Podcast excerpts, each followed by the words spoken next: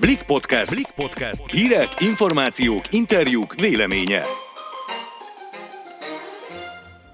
Sziasztok! Ez itt a Blik podcastja február 8-án hétfőn. Én Szabadfi Mónika vagyok. Én pedig Balázs Barnabás. Mai adásunkban arról beszélgettünk, hogy miként változhatnak meg az utazási szokásaink a koronavírus hatására, és hogy vajon idén megyünk-e nyaralni. Végül eláruljuk, hogyan segíthet a joga a koronavírus okozta szorongás, magány, stressz és depresszió legyőzésében. Vágjunk is bele! Az egyik leggyakrabban hangoztatott kifejezés mostanában az újraindulás, ám hogy ez pontosan mit is jelent, azt gyakorlatilag senki nem tudja. Hiszen mindannyian szeretnénk valahol nagyon mélyen azt hinni, hogy a járvány csak egy álom volt, amiből majd felébredünk, és ott folytatjuk az életünket, ahol abba hagytuk, de minden optimizmus ellenére nagy valószínűséggel ez nem így lesz. Sajnos teljesen igazad van, mint ahogy azt ugye már a tavalyi évben is láthattuk, az újraindulás, az nem lesz túl egyszerű a turizmus nem fog, és hát nem is tud egyik pillanatról a másikra helyreállni sajnos. Gondoljunk csak abba bele, hogy például a kocsmáknak vagy hoteleknek már hónapok óta semmilyen bevétele nincsen, gyakorlatilag a csőd szélén táncolnak, és már most se lenne mindenkinek milliós nagyságrendben pénze, anyagi forrása arra, hogy újra kinyisson. És hol van még a vége a lezárásoknak? Hát igen, és ugye ott van még a másik oldal is, azok az emberek, akik elvesztették a munkájukat, a tartalékaikat, ha voltak is persze, már rég felélték, így ők biztosan idén nem mennek nyaralni, de szerintem azok, akik megteltik, hogy egy kicsit kimozduljanak, ők is megfontoltabban viselkednek majd, hiszen lássuk be, nem tudhatjuk, mi vár még ránk, és hát hol van ennek az egész koronavírusnak a vége. És nagy kérdés, hogy akik mégis egy kellemes utazással próbálnák meg elfelejteni az elmúlt egy évet, azokat vajon azt fogadja amire számítanak? Egyáltalán készen állunk-e arra, hogy tömegesen érkezzenek turisták Magyarországra. Egy taxis mesélte nekem pár napja, hogy a sofőrök több mint fele eltűnt az utcákról, és ők nem tudnak egyik pillanatról a másikra újra taxizni, és akkor még tényleg nem beszéltünk mélyebben a haldokló éttermekről, hotelekről. Nagy valószínűséggel nem is lesz nagy választék a kínálatban,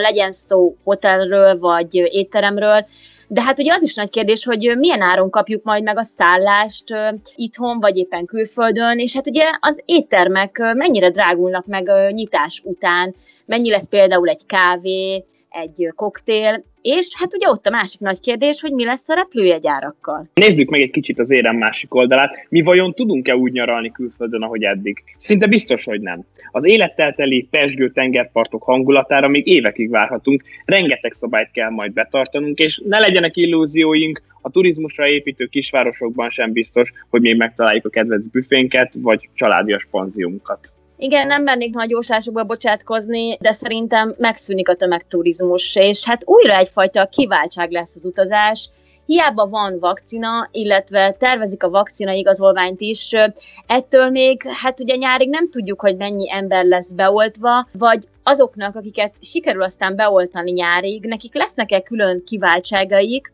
például nem kell maszkot viselniük, vagy bárhova szabadon mehetnek majd, ellentetben ugye azokkal, akik hát nincsenek beoltva, és hát ugye nagy valószínűséggel nekik marad majd a negatív teszt a beutazáshoz, már ha így oltás nélkül egyáltalán lehet-e majd utazni, mert ugye ez is egy nagy kérdés még, de akkor meg ott van egy másik probléma, mármint ha a negatív tesztről beszélünk, akkor meg ugye ott van egy másik probléma, ami felmerül egy negatív teszt esetében, például egy öttagú család esetén oda-vissza jelenlegi árral számolva körülbelül 200 ezer forint plusz költséget jelentene. Na most Gondoljunk bele, nem sokan vannak mostanság, akik ezt megtehetik, hogy a szállás, a repülőjegy, a költőpénz mellett még ezt is kifizessék, ha el szeretnének menni egy hétre nyaralni.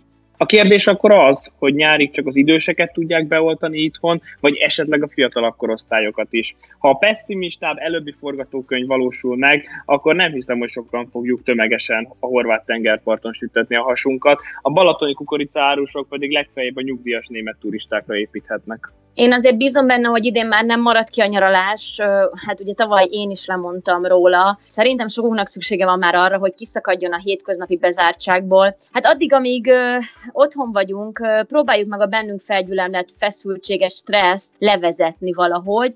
Nagyon a jogaoktatóval, a Yoga Secrets metód megálmodójával arról beszélgettem, hogy a jogának köszönhetően hogyan győzhetjük le azokat a negatív érzéseket, amelyek a járvány hatására alakultak ki bennünk. Szia Anna, köszönöm, hogy elfogadta a felkérést. Szia Móni, nagyon szépen köszönöm, hogy itt lehetek. Szorongás, depresszió, magány, stressz, és talán még hosszasan is sorolhatnánk. A koronavírus rengeteg negatív dolgot hozott az életünkbe. Mi az, amiben a joga most segíteni tud?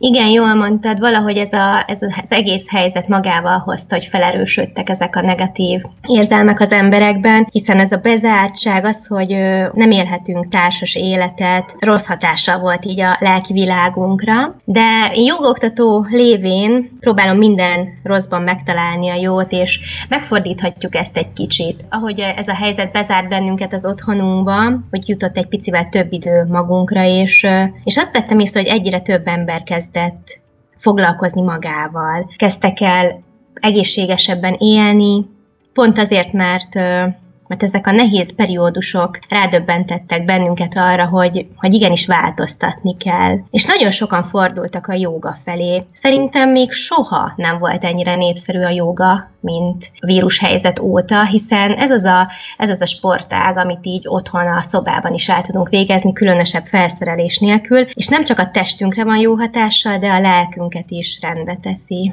A jogához szorosan kapcsolódik a meditálás milyen módszerek vannak erre, és például hányszor meditáljunk egy héten, mi az ideális, ha van ideális persze? Igen, a meditáció az egy nagyon érdekes dolog, főleg a mai ember számára, hiszen gondolj csak bele, te is, mint egy állandóan pörgő személyiség, nagyon nehéz azt mondani neked, hogy ülj le most akkor is üljél csöndben egy helyben, nem? És a legtöbb ember így van, így szocializálódtunk, hogy mindig valamit csinálunk, mindig valamivel foglalkozunk, mindig már tervezzük a következő lépést, és a meditáció pont ezt próbálja úgymond lehatárolni, hogy ne, ne tervezgesd a következő lépést, állj meg egy percre, csendesedj el. Óriási kihívás azt gondolom, hogy a mai emberek számára az, hogy elkezdjenek meditálni, de soha nem is volt még ekkora szükség arra, hogy, hogy elkezdjünk elcsendesedni, mint, mint manapság. Nekem személy szerint az segített ebben a leginkább, hogy egy nagyon-nagyon dinamikus, fárasztó jogaóra után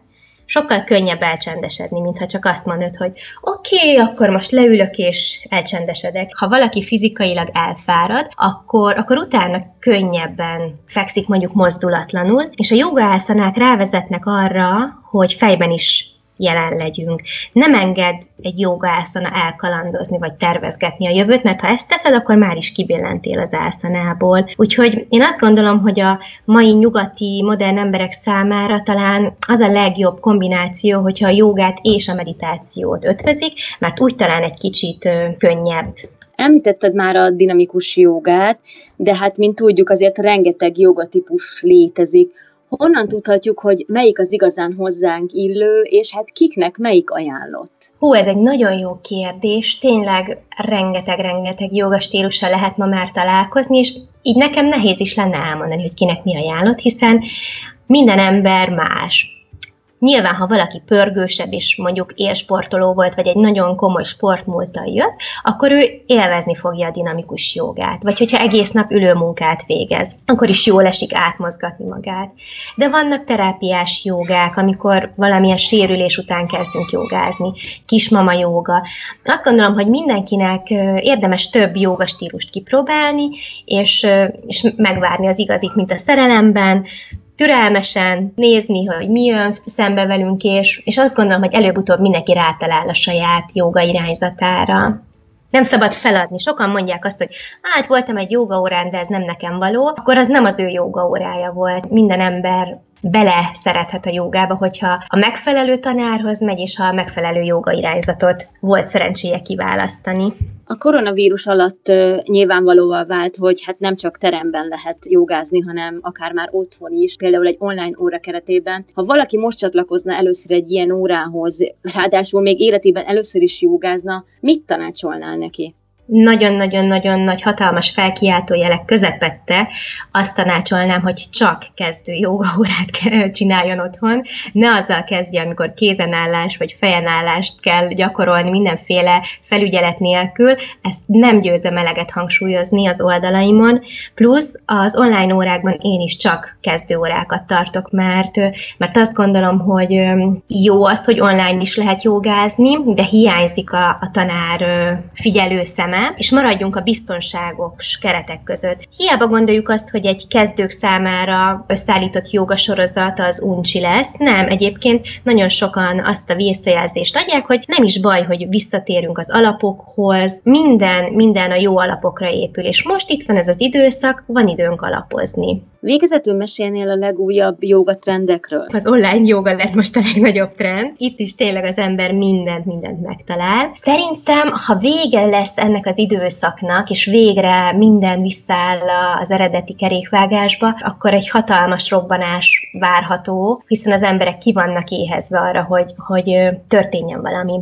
És éppen ezért a tematikus órák lesznek szerintem előtérben, amikor valami többet kapnak, mondjuk egy esti joga bulit, mondjuk DJ-vel, vagy egy délelőtti jogát egy kis bráncsal összekötve. Minden olyan típusú óra, ami, ami élményt ad, nem csak az, hogy elmegyünk jogázni, hanem mellette kapunk még valami kis élményt, egy kis társasági életet is élhetünk. Köszönöm a beszélgetést és a hasznos információkat. Köszönöm szépen, Móni, hogy itt lehettem. Köszönjük, hogy a Big Podcastjét hallgattátok. Legközelebb hétfőn találkozunk. Sziasztok! Sziasztok!